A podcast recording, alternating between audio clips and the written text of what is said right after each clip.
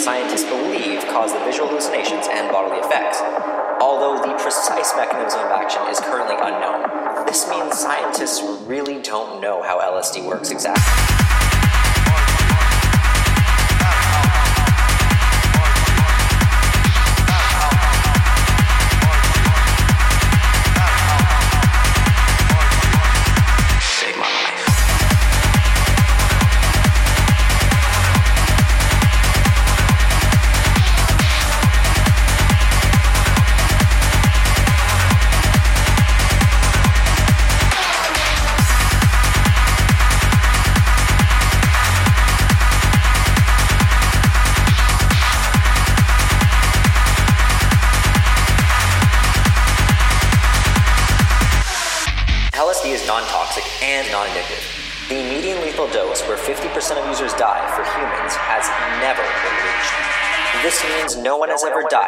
As a result of consuming LSD.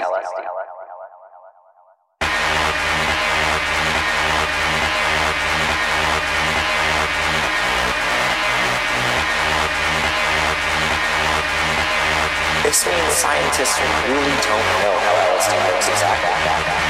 Of